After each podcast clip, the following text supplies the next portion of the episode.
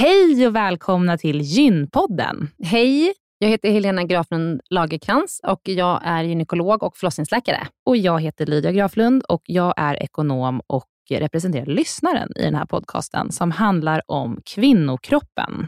Det är vetenskaplig fakta om kvinnokroppen och det du hör i den här podden är det som man kan höra om man får träffa en läkare eller en barnmorska i ett eh, möte. Men ibland så bjuder vi in gäster som berättar om sina personliga erfarenheter och ibland är det också spekulation, men då är det verkligen tydligt att det är spekulation. Annars är grunden för den här podden vetenskaplig fakta om kvinnokroppen. Så är det. Hoppas att ni vill lyssna. Välkomna. Välkomna.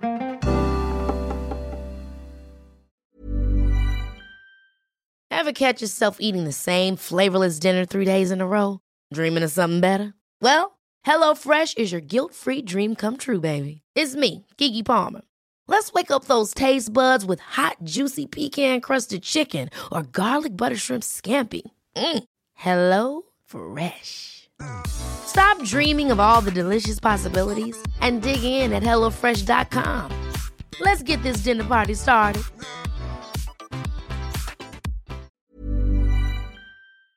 Den här veckans avsnitt av Gynpodden är sponsrad av Ester Care. Och Helena, det är ju det bolaget, vårdbolaget, som du och jag har varit med och startat, där vi erbjuder digitala vårdmöten med specialister inom kvinnovård. Precis. Och vi vet att det är väldigt mycket vårdpersonal som lyssnar på Gynpodden, vilket vi är jätteglada för. Och vi behöver alltid fler gynekologer till SDKR. Så därför vill vi nu göra en shout-out till alla er som lyssnar ute som vill vara med och förändra svensk kvinnovård. Vi söker specialister inom gynekologi, men också ST-läkare som har kommit en bit in i sin ST och som vill arbeta digitalt eh, med handledning på, hos oss på SDKR. Mm. Och precis som det är för våra patienter som kan söka vård hos oss, det vill säga att de kan bo vart som helst i landet eftersom vi är digitala. Om man laddar ner appen och så bokar man ett vårdmöte, så kan ju även läkaren bo vart som helst i landet eller flytta under tiden man jobbar hos oss. Det är ju väldigt, väldigt flexibelt eftersom eh, man jobbar hemifrån. Och Jag tänker att det måste ju också vara helt underbart att som läkare kunna arbeta hemifrån och planera sin egen tid några dagar i veckan. Ja, verkligen.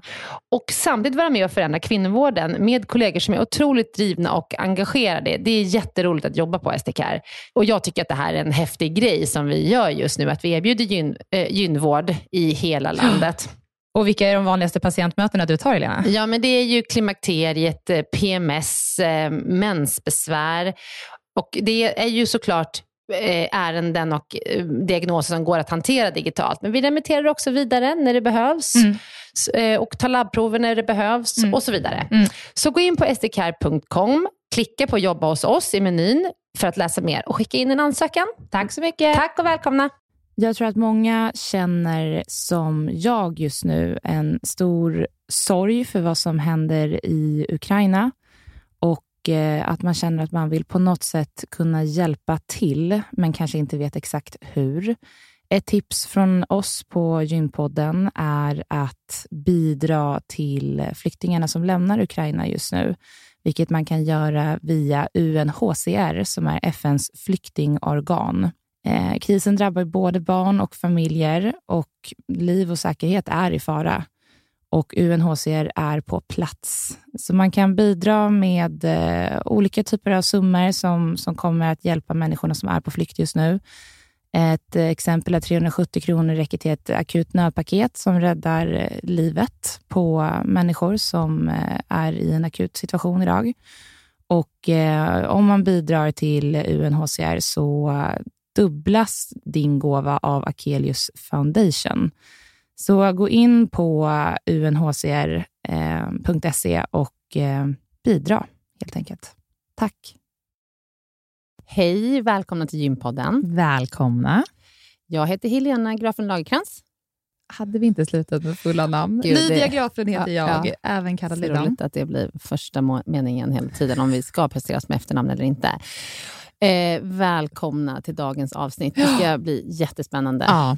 Eh, vi ska prata om sex med en sexolog som heter Malin som är här. Välkommen. Tackar. Du ska få en, eh, en mycket mer utförlig presentation snart. Men mm. det jag kan säga om att vi gynekologer, vi eh, har ju sexologi som ett eh, liksom obligatoriskt ämne under vår specialistutbildning.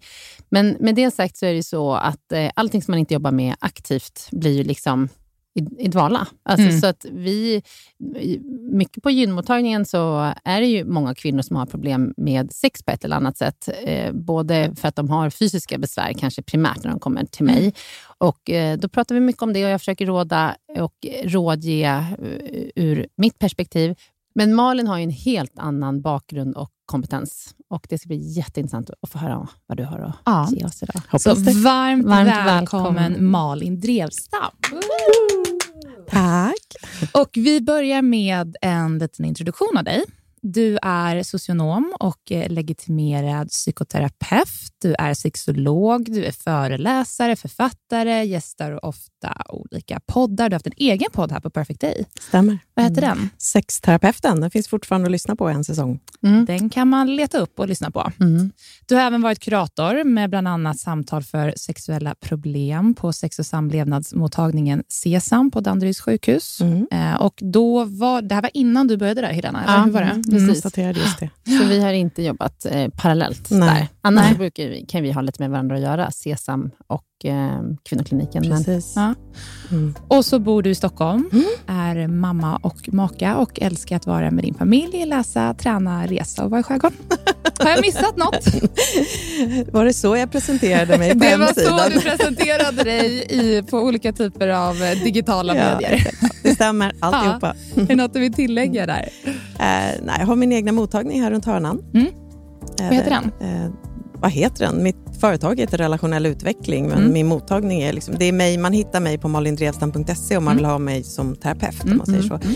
Men, ehm, eh, så jag sitter själv på Grev Turegatan och träffar individer och par mm.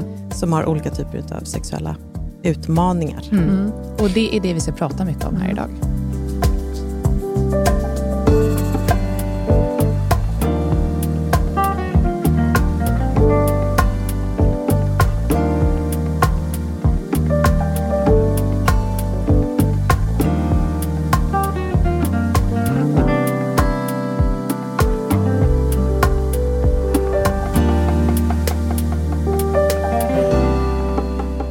Disponerar du din tid? För att du är såklart väldigt efterfrågad vet jag som föreläsare och du skriver böcker och så. Hur disponerar du din tid med liksom, klienter? klienter? Ja.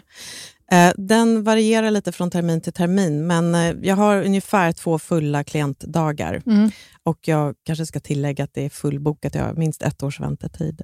Oj. Um, mm. Ja, så det finns verkligen behov. Men hur men, många sexologer finns det i Sverige? Alltså det här, vi behöver komma in på definitionen av sexolog vi och eh, vi ska göra det så ja. småningom. Mm. Så jag, eh, vi jag pausar. Med den. Ja, precis. Mm. Nej, men jag, eh, jag har klienter två fulla dagar i mm. princip och sen är jag mm. ute och föreläser och undervisar väldigt mycket också. Mm. och eh, skriver mm. och föreläser. Som sagt. Men vi kan väl börja där. Vad, yes. vad gör en sexolog? Vad, hur definierar man en sexolog och hur ser utbildningen och vägen dit ut? Ja. En sexolog är inte en skyddad titel. Så en sexolog kan i själva verket göra väldigt mycket. Eh, man kan vara sexolog och jobba med hiv-prevention i Afrika. Man kan vara sexolog och jobba med eh, funktionsvariationer och utmaningar kopplat till sexualiteten. Man kan vara sexolog och jobba, precis som jag gör, med sexuell eh, och eh, psykoterapeutisk behandling. Jag tror att många som tänker på vad en sexolog gör tror nog att jag eller jag gör nog det som jag tror att många tänker att en sexolog mm, gör. Mm. Men man kan verkligen jobba med sexolog, jobba med cancerrehabilitering, man kan vara sexolog och jobba med massor med olika saker. Och det finns också olika nivåer. För att om man tittar på hur blir man sexolog? Det finns ett masterprogram i sexologi på Malmö universitet. Men bara för att man har gått det betyder inte det nödvändigtvis att man kan kalla sig för klinisk sexolog, utan det är en nordisk auktorisationskommitté som heter NAX, som delar ut auktorisationer till personer som har kvalat in. Och jag har faktiskt inte en sån. Det är ett enormt arbete att få till underlagen för att få den här auktorisationen, som i sig är svinviktig tycker jag, för det blir verkligen en djungel över vem som kan kalla sig sexolog. Jag uppfyller alla krav, men jag har inte ansökt om mm. auktorisationen, om man mm. säger så.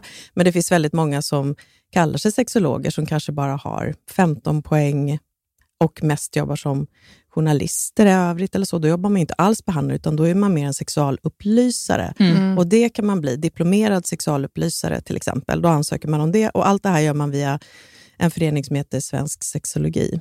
Mm. Eh, eller hemsidan heter svensksexologi.se. Där kan man läsa mer om man är nyfiken på att bli sexolog. Eh, man säga, bakgrunden är att man har 180 poäng i ett människovårdande yrke och sen är det olika tillägg Mm. när det handlar om poäng, i- hur mycket, många poäng sexologi man har läst och hur många timmar man har haft klienter under handledning av en auktoriserad sexologisk handledare. Man ska också ha gjort x antal timmar i eh, något som kallas för SAR SSR, där man ska ha så att säga, rotat i sin egna sexualitet och sina tankar och fördomar och eh, vilken normer man kanske kommer ifrån kopplat till sexualitet, för att man ska ha granskat sig själv helt Mm. enkelt, eh, exponerat sig själv för. Mm. Mm. Så det, det finns väldigt många olika nivåer och varje nivå kräver sin, eller har sina krav. Mm. Kanske man kan uttrycka Och hur kom du in på det här?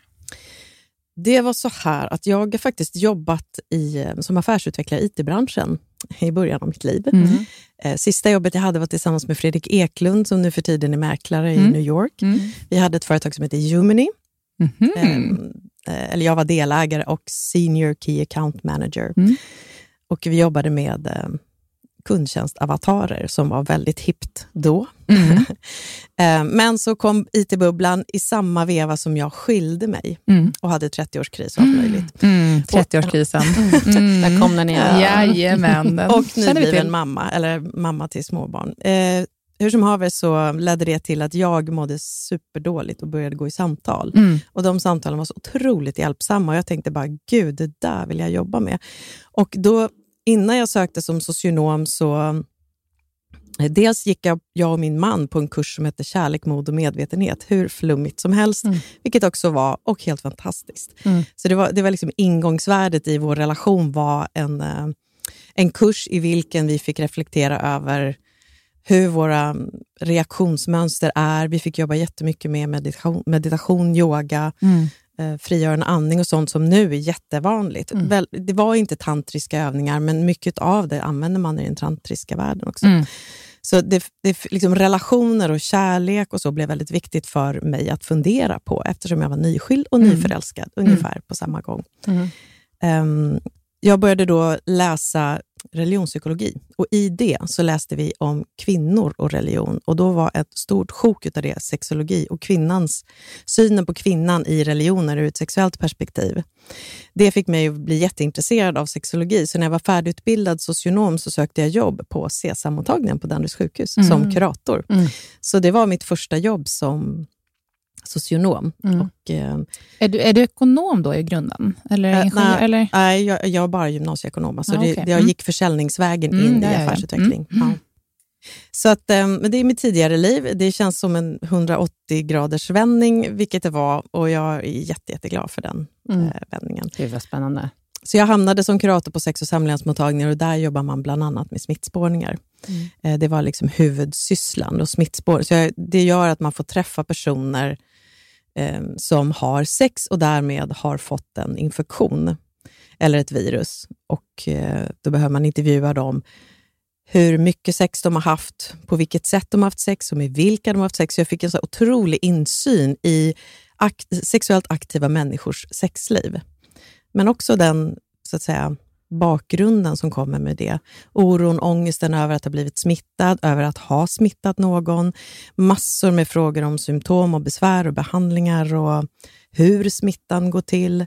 Eh, och kringgärdet kring det är ju då också om det kommer en person flera gånger som har upprepade sexuellt överförda infektioner till exempel, eller ofrivilliga graviditeter, så behöver man ju verkligen fundera på vad är det som gör att du inte skyddar dig så mycket du kan. Mm.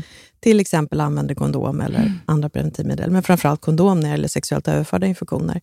Och Då framkommer det alla andra saker, Mm. därför att jag har svårt med erektionen nog som det är, så Mm. jag kan inte lägga till en kondom. Okej, då behöver vi kanske prata lite om hur erektioner funkar. Hur kan man förstå till exempel prestationsångest? Mm.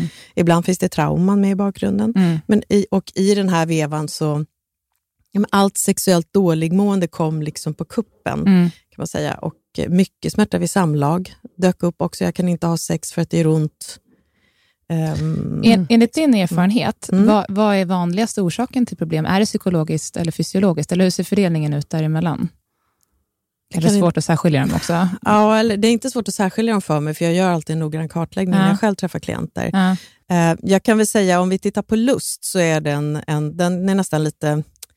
Det är otroligt mycket som påverkar sexuell lustens, den sexuella lusten. Och där kan man säga att de absolut främsta orsakerna är trötthet och stress. Mm. Eh, Så att du kan ha en välfungerande kropp och en lust som brukar funka, men stressen och tröttheten tar udden av det, eller dämpar det, eller hämmar det helt enkelt. Mm. Så det behöver egentligen inte vara något slags funktionsproblem i det, utan det är mer livspussel och prioriteringar i livet. Mm. Både vad man kan och vill Mm. prioritera. Mm. Men när det kommer till erektioner och tidig utlösning, så det är mycket inlärning. Framförallt när det gäller tidig ut- utlösning. Eh, att man har, har till exempel eh, när man började onanera så gjorde man det i stressade, eller i, i situationer där det fanns en risk att bli påkommen, så du har fått snabba på själva onanerandet och då lär du dig att fort komma till målet till exempel. Mm. Ehm, men det kan också handla om en relationell otrygghet som kan handla om att jag kan onanera på egen hand hur länge som helst, det är inga problem.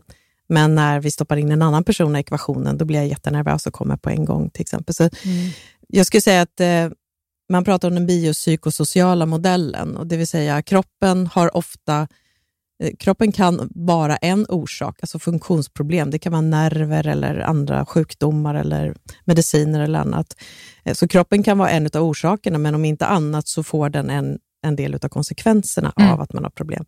Sen har vi psykologiska som handlar om vad är mina, min självkänsla, min sexuella självkänsla. Känner jag mig sexuell? Tror jag mig kunna vara? Vill jag vara sexuell? Och hur i sådana fall? Tillåts jag vara en sexuell person?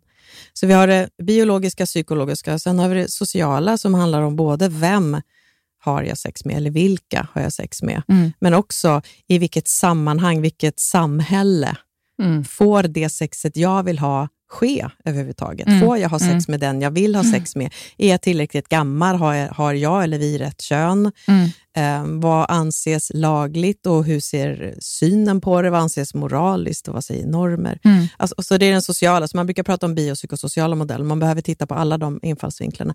Sen finns det ju eh, det kontextuella som är lite mer, har vi en plats att ha det här sexet som vi vill ha på? Är vi trångbodda? Mm. Kan jag Mm. onanera överhuvudtaget? Eller, eh, eller störs vi av barn eller husdjur? Är det rispapper, tunna väggar?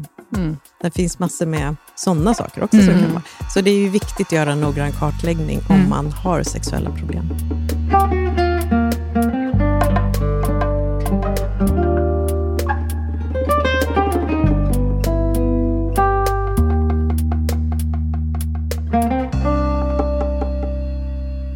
Skulle vara så intressant att utgå lite från vad du träffar i dina samtalsterapi-sessions. Liksom, Vilka vad problem söker folk det för? Ja. Eh, Mm. Kommer man ensam? Kommer man i par? Hur funkar det? Jag skulle säga att jag träffar en tredjedel kvinnor, en tredjedel män, en, några procent trans. Mm. Jag träffar en tredjedel par och de kan ju vara både homosexuella par eller...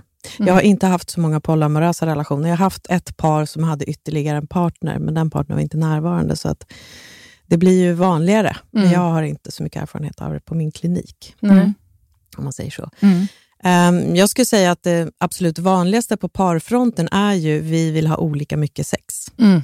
Och de kan komma med, kan du bara hjälpa oss med den här ekvationen vi behöver hitta? Vi hjälp oss att kompromissa fram någonting som vi båda är nöjda med ungefär. Mm. Men när man gör den här kartläggningen så, eh, så framkommer det ju ibland ganska omfattande orsaker till varför man inte har lust. Ibland kan det ju vara rena traumatiska erfarenheter som man kanske inte har berättat för sin partner.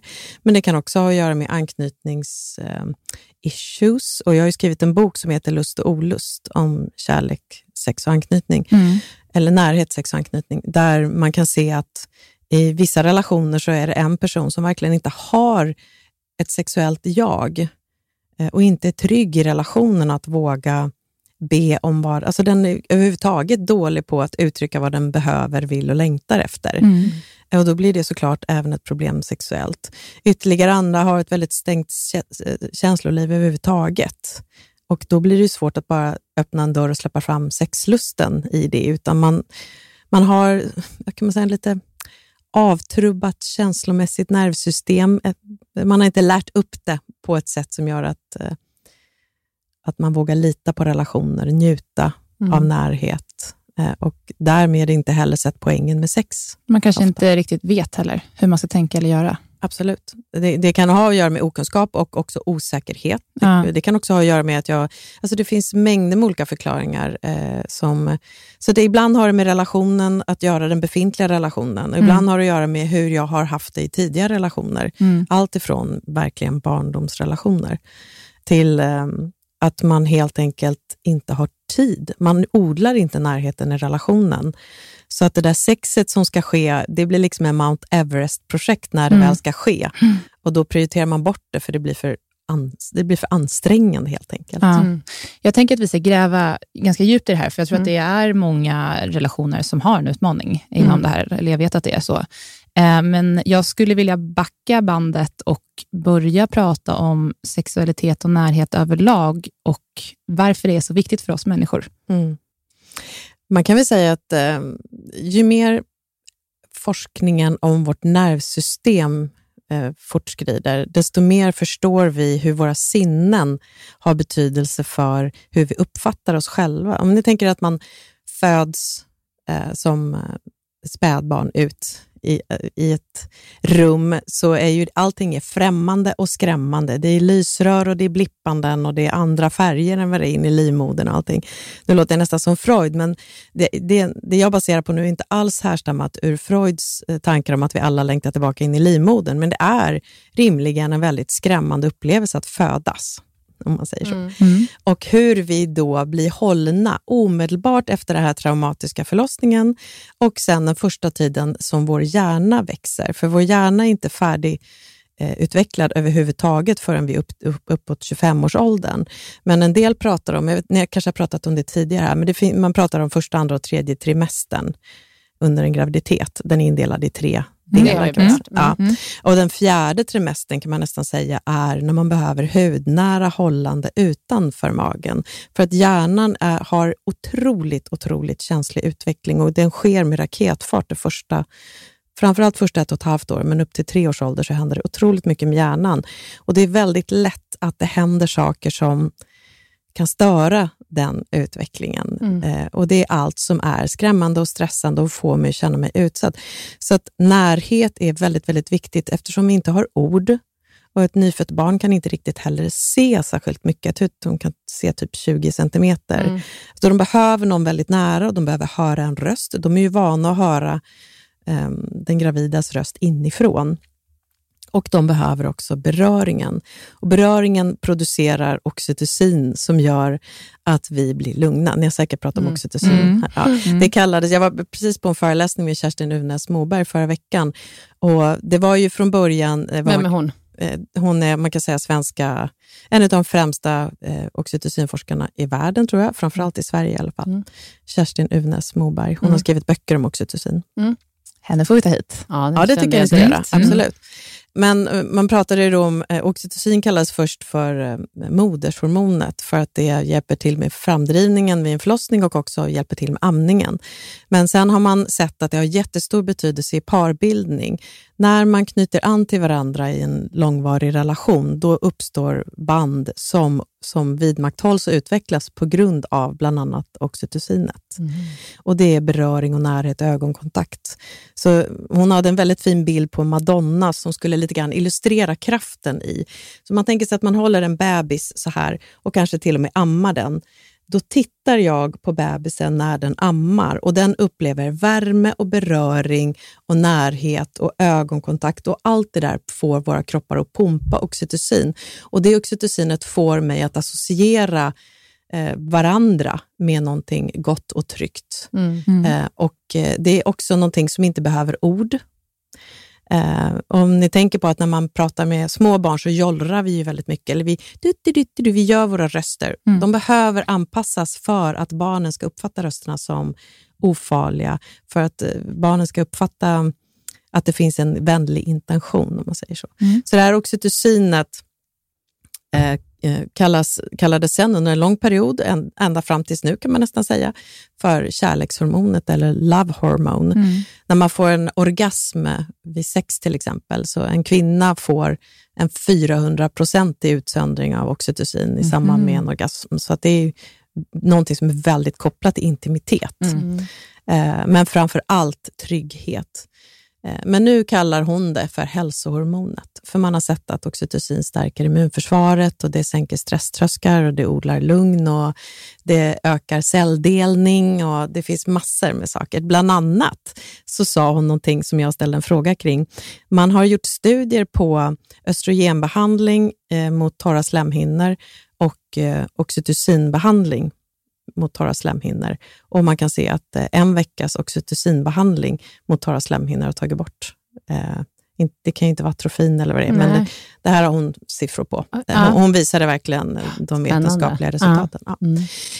Var var vi någonstans? Vi pratade om oxytocin och Ja, men varför om, närhet varför och närhet- sexualitet ja, är så viktigt för människor. Så närhet är viktigt för att vi är sociala människor, sociala djur som lever i flockar. Det tjatar Mm. alla om nu för tiden, Mm. men det är så. Vi behöver veta att någon finns i närheten.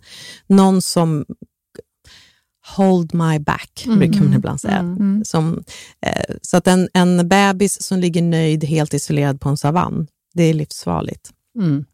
Så att eh, bebisen behöver skrika så fort den känner att nu har det blivit lite avstånd. Mm. Och vi markerar den här närheten mycket genom beröring. Beröring är super, super viktigt. Den optimala beröringshastigheten, vet ni vad den är? Nej. Nej.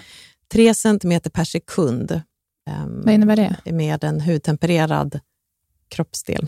Mm, Så här. 3 centimeter per sekund. Det är ungefär, så, det är som det. vi, Det är det. det är ungefär så som vi klappar en bebis, eh, Ja. en bebiskind. 3 centimeter per Så sekund. det, där, det här är eh, 3 cm per sekund, Ja. det är den optimala... Det är vad man vetenskapligt har lagt märke till, att det är då våra hjärnor gnistrar igång och, och, och det är bäst, mest belönande. Hur typen. ofta ska man göra det här? ja, jag vet inte om den går att översätta, men alltså, man tittar på, så här, den, det jag just sa nu, Klappa på dig. Tack Lydia. Helena Backlund Wasling är en svensk beröringsforskare Ja. eh, som eh, har skrivit en bok som heter Närmare. Eh, och I den beskriver hon om korta beröringsfiber och långa beröringsfiber och vad de skickar för signaler. Men det är den typen av beröring som är lugnande för oss och det är också den som vi instinktivt använder oss av när vi ska Lugna klappa någon. ett barn. Gud, det tänker jag på, Helena, jag vet inte om du tänker på det, pappa gör sådär på oss. Ja, han klappar. Han klappar på oss Mm. i ansiktet, så här. sen ska man försöka klappa tillbaka, då tycker han alltid att man har smutsiga fingrar. Och Ja, inte- fingrarna. Ta inte på mig i ansiktet, men han klappar alltid på Ja. oss på det sättet. Ja, fint. Ja. Eh, Men, men Så på bra- det här ämnet i sig, och det kommer vi säkert kanske komma in på, men jag undrar varför har olika människor olika behov av närhet? För det tycker jag blir smärtsamt tydligt i Mm. relationer. Mm, mm. Att det är både närhet och sexualitet och sexlust och allt det där. Absolut, också men, om vi närhet. börjar i närheten. Mm. Det vi pratar om nu är den, den preverbala anknytningen som sker när vi... Preverbala betyder innan vi kan språk, innan vi kan prata med varandra. Mm. Ehm, så att om jag skulle säga till dig, Lydia, att eh, du är trygg, du behöver inte oroa dig, då är det ord jag använder. Du känner inte mig, det är inte säkert att du skulle känna dig supertrygg med mig. Du kanske skulle välja att känna dig trygg. Men en bebis förstår inte orden du är trygg, utan det är genom beröring och vyssjanden och hållanden och värme som barnet förstår att det är tryggt. Ju äldre barnet blir sen, desto mer vill den utforska. Den sätter sig upp och börjar säga oj vad världen var stor och sen reser den sig upp och börjar förstå oj världen är ännu större och sen börjar den kunna gå. Och ju mer barnet blir utforskande av omvärlden, desto mer behöver den veta att det finns någon tankningsstation där hemma att gå hem och vila upp sig i när man har utforskat för mycket. Så inom anknytningsteorin så pratar man om behov av närhet och behov av distans. Och distans är utforskandet. Mm. Och om vi upplever den här närheten som stöttande, tröstande, förutsägbar och eh, lyhörd. Det vill säga lyhörd är att jag blir inte klappad om jag är arg, utan jag blir klappad om jag är ledsen. Mm. Om jag är arg, då kanske någon sätter sig ner och lyssnar på mig, eller eh, vad det nu kan vara. Mm. Så lyhördheten handlar om att bemöta den andra på ett känslomässigt relevant sätt. Mm.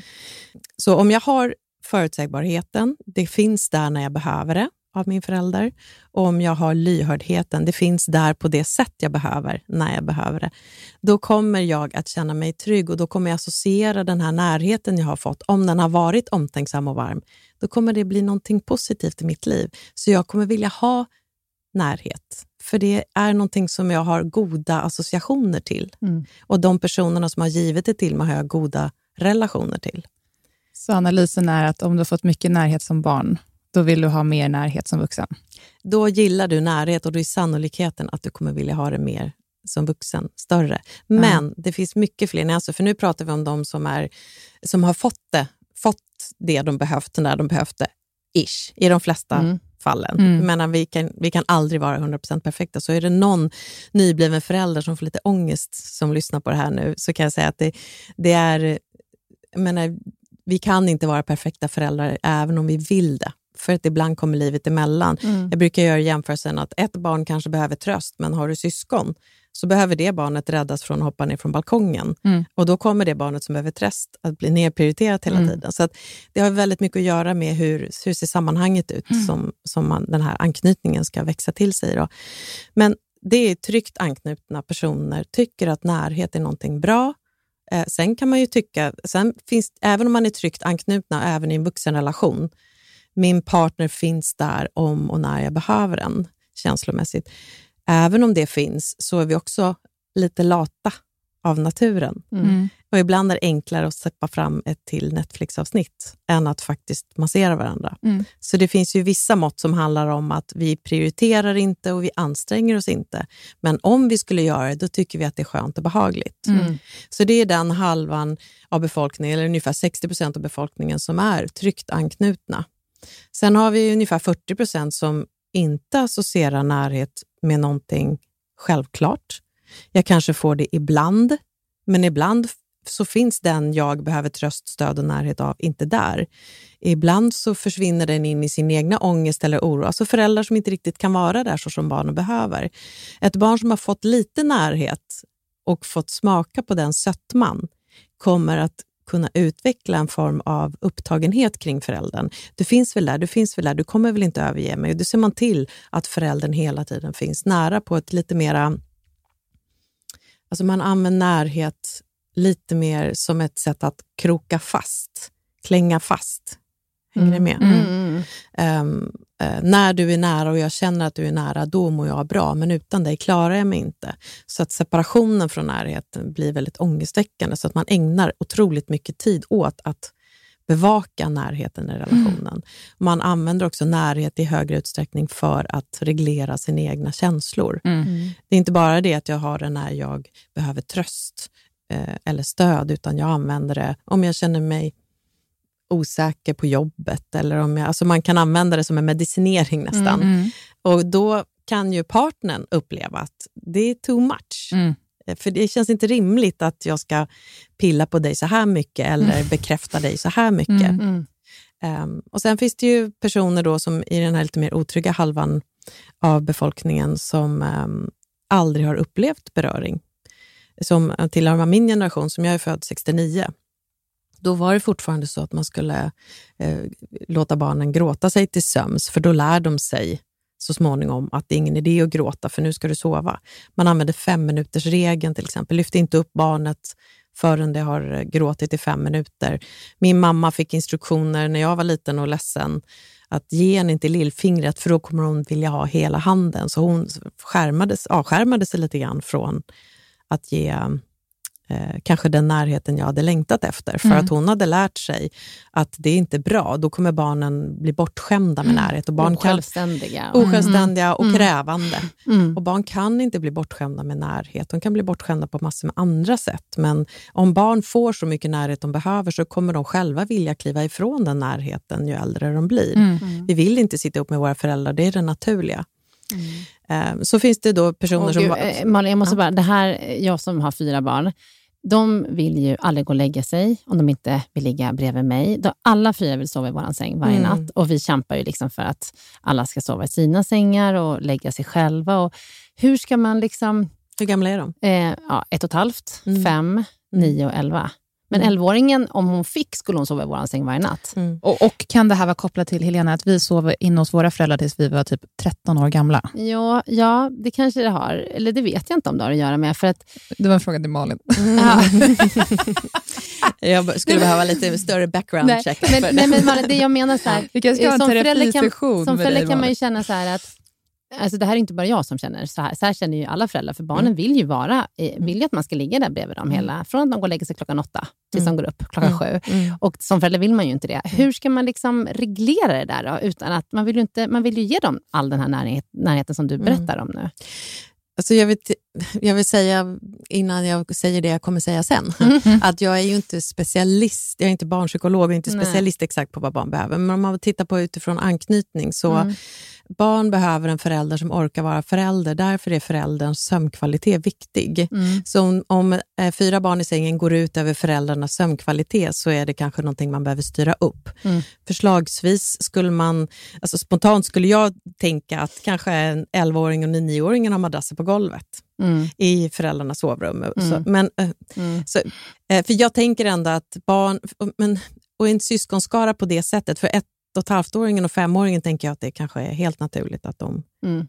om inte det går ut över er, då behöver ni kanske fundera på att sova i olika sängar, du och Mm. din partner kanske, Mm. eh, för att kunna få en ordentlig nattsömn. För att Mm. en trött förälder är en mycket sämre förälder Mm. än en förälder som försöker få sitt barn att sova i en egen säng. Mm.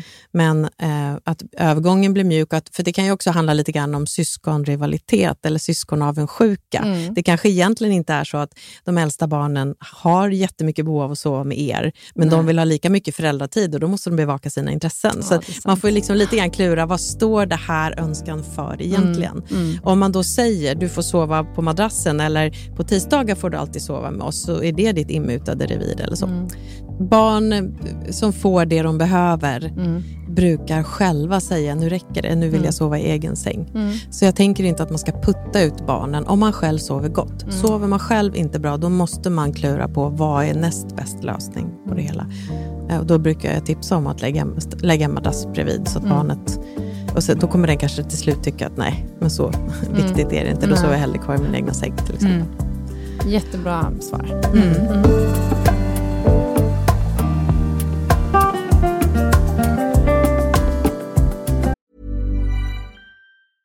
Ready to pop the question? The jewelers at BlueNile.com have got sparkle down to a science with beautiful lab grown diamonds worthy of your most brilliant moments. Their lab grown diamonds are independently graded and guaranteed identical to natural diamonds, and they're ready to ship to your door. Go to BlueNile.com and use promo code LISTEN to get $50 off your purchase of $500 or more. That's code LISTEN at BlueNile.com for $50 off. BlueNile.com code LISTEN. Hey, I'm Ryan Reynolds. Recently, I asked Mint Mobile's legal team if big wireless companies are allowed to raise prices due to inflation. They said yes. And then when I asked if raising prices technically violates those onerous two year contracts, they said, What the f are you talking about, you insane Hollywood ass?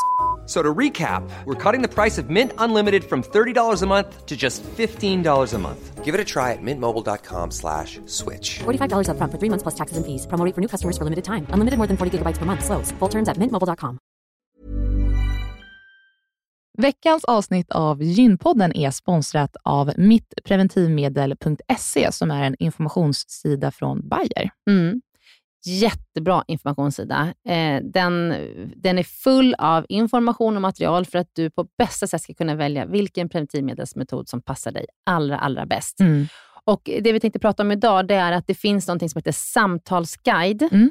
på den här sidan. Mm. Och Det är ett formulär där man har, får en massa frågor. Till exempel så här, att komma ihåg att ta med preventivmedel dagligen är inget problem för mig, eller ibland svårt, Mm. eller inte min grej. Mm. Eller eh, om jag blev gravid nu och så vidare. Liksom. Så att man får kryssa i en massa frågor och ta ställning och fundera innan du Mm. träffar din gynekolog eller barnmorska. Så att du liksom verkligen får med alla frågor som är viktiga för dig i det där mötet. Ja.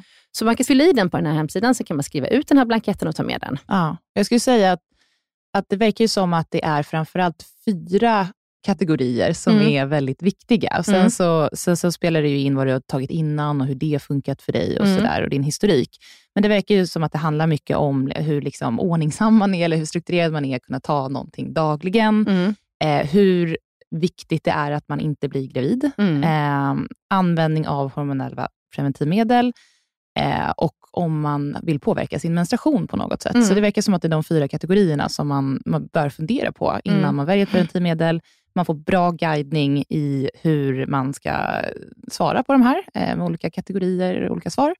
Och Sen så tar man med sig det till sitt möte med barnmorska och gynekolog och då är man väl förberedd. Mm. Och Jag lovar er att om ni gör det här innan ni går eh, till en barnmorska eller gynekolog, då kommer ni få mycket bättre hjälp. För att det här är liksom ingenting som bara finns i en, utan man måste liksom fundera lite på Ja. så här, vad är viktigt för mig. Ja. Vill jag ha mens eller inte? Ja. Och så vidare. Så att, gå in på mittpreventivmedel.se och titta runt där och gör den här eh, ja, samtals, ja, samtalsguiden. samtalsguiden. Ja.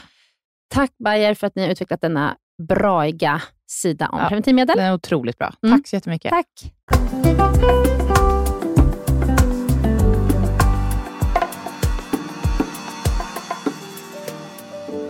Ja, och vi pratade ju om, eh, om närhet Mm. och varför man har olika typer av närhet. Och nu har vi pratat mer om den psykologiska aspekten i det. Finns det någon fysiologisk anledning till varför vissa har behov av mer närhet än andra?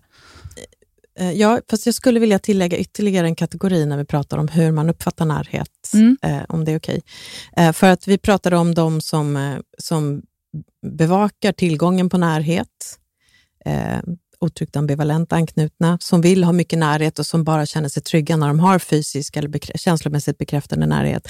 Sen pratar vi om de som kanske inte fått den närheten som de behövde. Föräldrarna lät barnet ligga och skrika, Mm. till exempel. Mm, mm. Ehm, eh, då, de upp, om man bara tittar på nervsystemets utveckling. Alltså ett nervsystem består ju av celler som på olika sätt kopplas samman när vi är med om känslomässiga förnimmelser. Eh, då blixtrar det till och blir ett minne. Mm, det här var härligt, det här vill jag ha mer av. Eller uh, det här var läskigt, eller det här var skrämmande, eller det här var farligt. Och eh, eh Har man då varit med om eh, positiv känslomässig beröring och närhet så kommer jag att tänka, mm, det här är bra, det här vill jag mer av. Men om man inte fått det, då kommer kroppen sluta leta efter. Alltså om jag, då kommer jag börja klara mig själv. Jag kommer inte leta efter kontakt med andra är bra. Det kommer mitt nervsystem inte, vadå? Nej, det är bättre att du tystnar och somnar. För att om du gråter kommer ingen bry sig.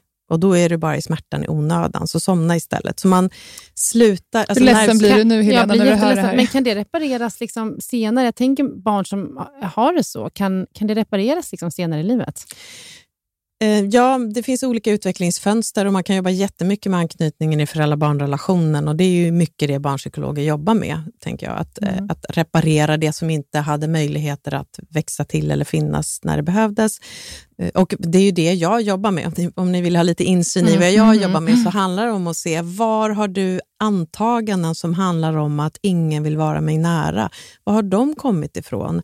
Och Det är klart att man inte kommer komma tillbaka till minnen som, som man fick när man var spädbarn eller väldigt, väldigt liten.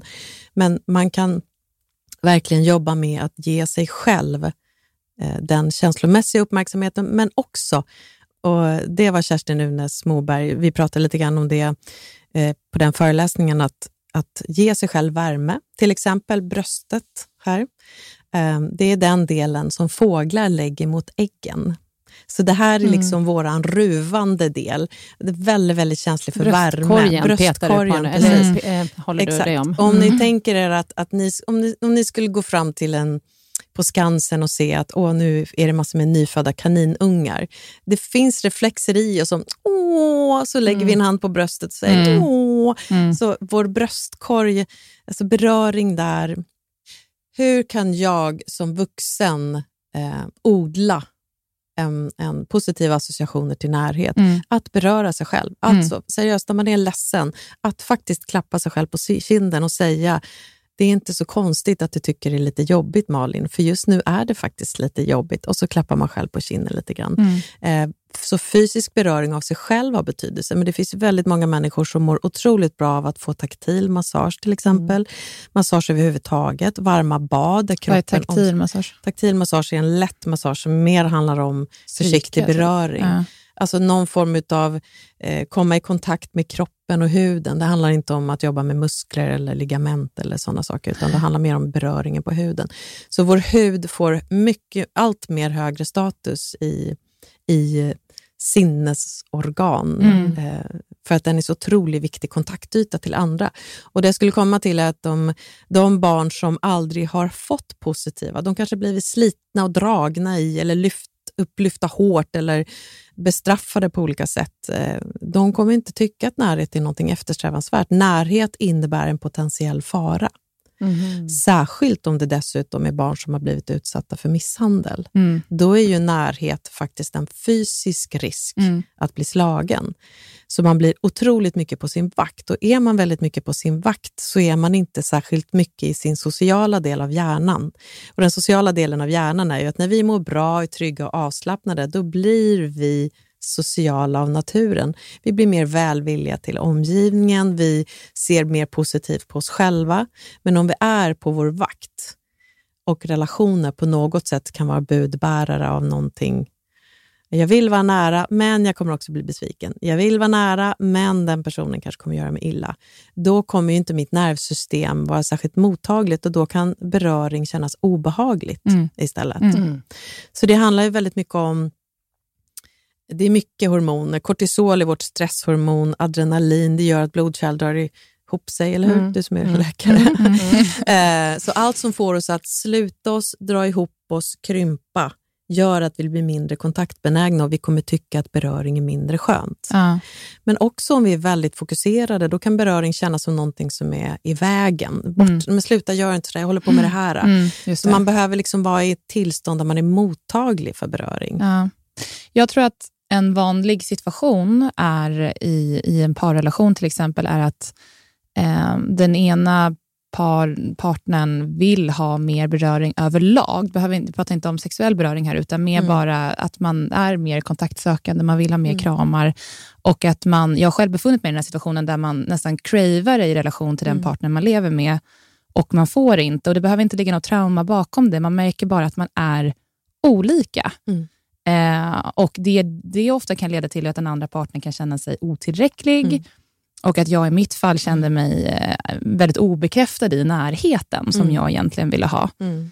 Det kan ju då kanske ha att göra med att jag som sagt har sovit i mamma och pappas säng tills jag var 13. Då. Ja, men det kan ju vara så att för dig är närhet någonting man har tillgång till och finns i överflöd. Ja. Eh, och det kan vara ganska lätt att känna sig otillräcklig, en person som har den idén. Även om det är en fin vision du har, Mm.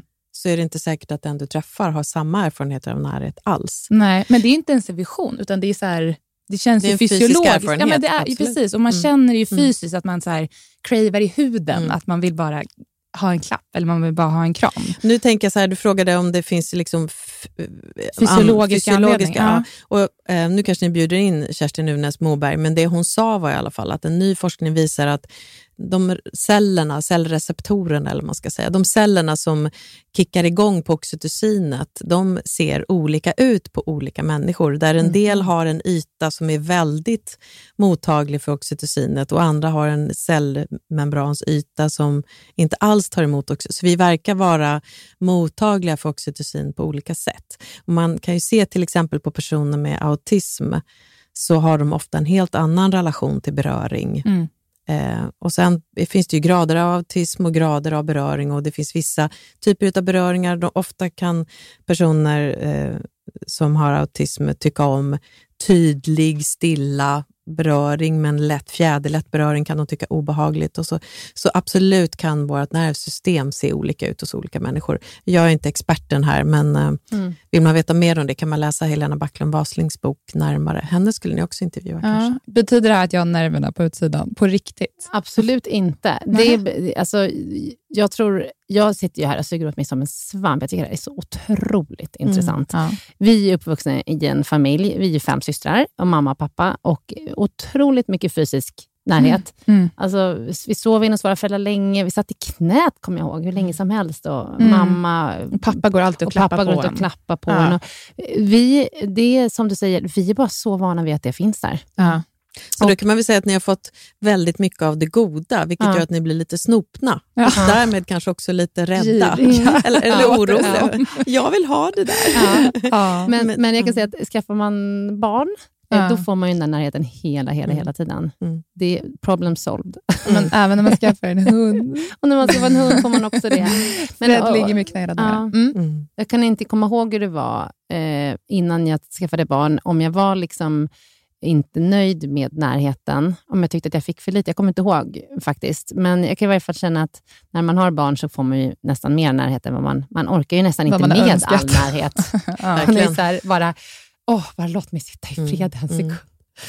mm. Eh, och det kan ju också få konsekvenser för en parrelation och Mm. eh, närvaron av intimitet och Mm. närhet i den kan man säga. Ja, absolut, att man känner att man bara vill vara i fred ibland. Exakt. Mm. Men jag vill också säga en annan sak. eh, Och Det här är från Gary Chapman som har skrivit en bok som heter Kärlekens språk. Och Han har delat in... Eller så här, om ni tänker på vad är det min partner gör när jag känner mig som allra mest älskad. Om ni funderar på vad det tar er en seriös funderare. Vad är det min partner gör när jag känner så här, wow, han eller hon älskar verkligen mig. Mm. Mm. Har ni lust att dela? Mm. Ja, kör du. Nej, men jag kan känna så när jag har, eh, när jag har inte kanske gnällt, men när jag, har, när jag tycker att någonting eh, inte funkar bra. Mm. Eh, och jag vet att det här är ett väldigt in, eh, invant beteende hos honom och någonting som är väldigt svårt att ändra. Mm. Och eh, han ändrar det. Mm. Då känner jag det. Så det, det jag hör dig säga är, när min partner anstränger sig och gör någonting trots att det är jobbigt för honom, Mm. bara för att han förstår hur viktigt det är för mig, Mm. då känner jag mig verkligen älskad. Mm. Mm. Eh, jag och Fredrik har ju varit tillsammans så himla länge och eh, jag, eh, jag tror att jag kanske blandar ihop det lite med att det är så fantastiskt med någon som känner en så väl. Men jag känner mig väldigt älskad när han kan förklara för mig Hur du tänker? Varför jag känner någonting Ja. eller varför Mm. jag tänker någonting. Så kan jag säga, men det har ju att göra med det här. Eller att du, ja, ehm, det, då känner jag, åh, jag känner mig älskad. Då. Mm. Men det kanske mer för att han löser mitt problem. Nej, men jag tänker så här, för att han ska kunna göra den bedömningen Ja. och du känner att den bedömningen stämmer, Ja, då måste han varit väldigt fokuserad på dig, väldigt närvarande. mm, just det. Mm. Så Gary Chapman pratar om fokus som ett kärleksspråk. Mm. Eh, när jag känner att min partner är helt fokuserad på mig, då Mm. känner jag mig älskad. Eh, sen finns det också när min partner ger mig de gåvor jag har uttryckt att jag vill ha. Eh, eh, eller när min partner gör handlingar för min skull. Det är kanske där du, Lydia, kommer in lite Mm. grann i. När min partner anstränger sig för min skull, trots att jag förstår att det är jobbigt. Mm. Det är ofta sånt. så. Men det ska säga att många har fysisk närhet som ett kärleksspråk också Mm. när min partner klappar mig, lägger en hand på axeln, drar undan ett hårstrå ur pannan eller när vi har sex. Mm. Och för en del personer så är liksom det enda kärleksspråket, det är när vi har sex. Mm. Och om man då får ett nej för att partnern, antingen, ja det kan ju vara alla möjliga orsaker, men partnern kanske inte orkar eller har lust eller väljer att prioritera något annat, då blir liksom min enda tankning av kärlek strypt. Mm. Och då, då kan det växa väldiga frustrationer. Så att jag försöker, jag pratar med paren om vilket, vilka kärleksspråk. Ibland kan det ju vara så att när du, som om jag ska ta mitt, min partner, eller min man Tim, ehm, för mig är det lite som du var inne på, inte att han ändrar sig, men när han gör någonting. Om jag har föreläst sent en kväll in i Stockholm och så säger han, jag kan komma och hämta dig. Och då blir jag så här, men gud vad du är snäll. För i min barndom var det verkligen inte självklart. Så om någon reser sig ur tv-soffan hemma för att åka in till stan och möta mig eh, eller hämta mig med bilen, för mig är det så här, alltså jag måste vara så värdefull så det är inte sant. Mm. Och det är kanske inte någonting som han skulle associera som någonting kärleksfullt. Så att vi, är, vi har inte alltid samma kärleksspråk. Han tycker kanske Mm. mycket mer om när jag kliar honom på ryggen framför rapport till exempel. Eller? Ja. Mm. Så vi har olika sätt att... Vad är syftet med det jag gör? Om det är att få dig att förstå att du är älskad, då behöver jag göra det på det sättet som du fattar. Ja. Vad finns det för kärleksspråk då? Vilka mer är det? Ehm, gåvor, handlingar, fokus och närvaro. Eh, det är en och samma.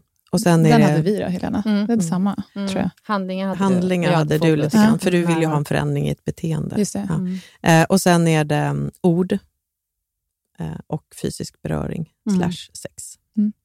Men kan man, är ett sätt att lösa det på, är det att fråga sin partner?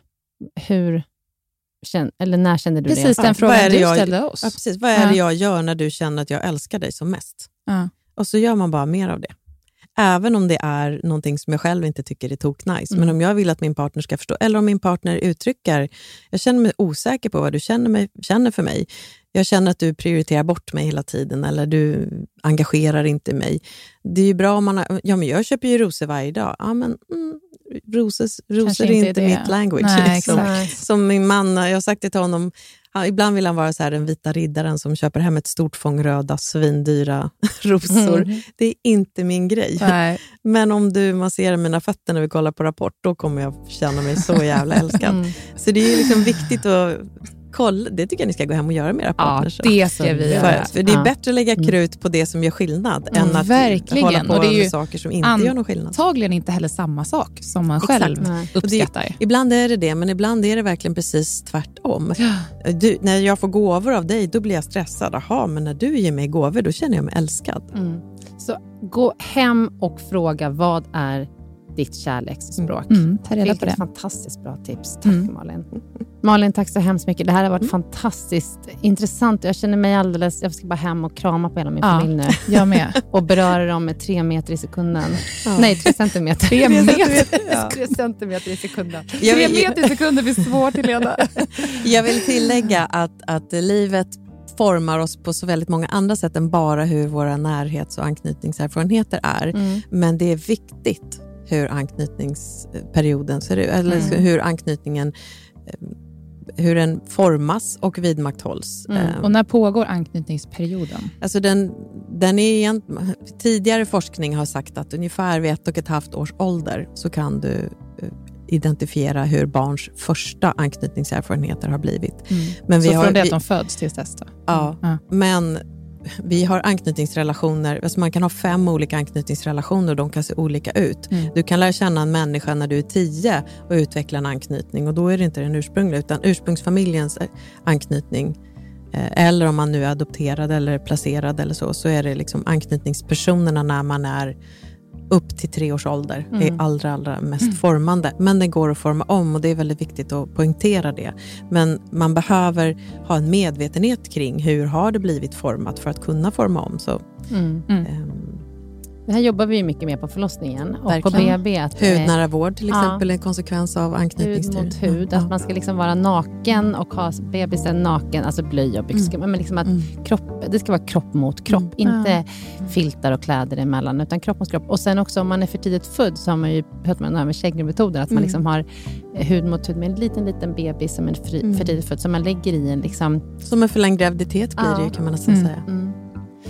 Mm. Ja, fantastiskt. Malin, Ja, tusen, tack. tusen tack. Och, så eh, poddar vi vidare själva. snart igen. Ja, Mm. exakt. Då kommer vi gå in på det som jag hade tänkt att vi skulle hinna med idag, Mm. eh, som har mer med sexualitet att göra. Men eh, det, det får bli ett annat avsnitt. Mm.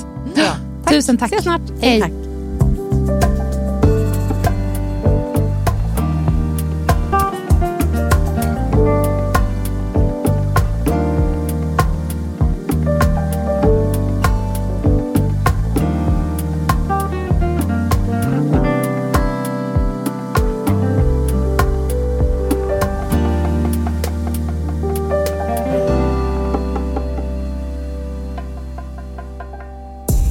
Podcasten är producerad av Perfect Day Media.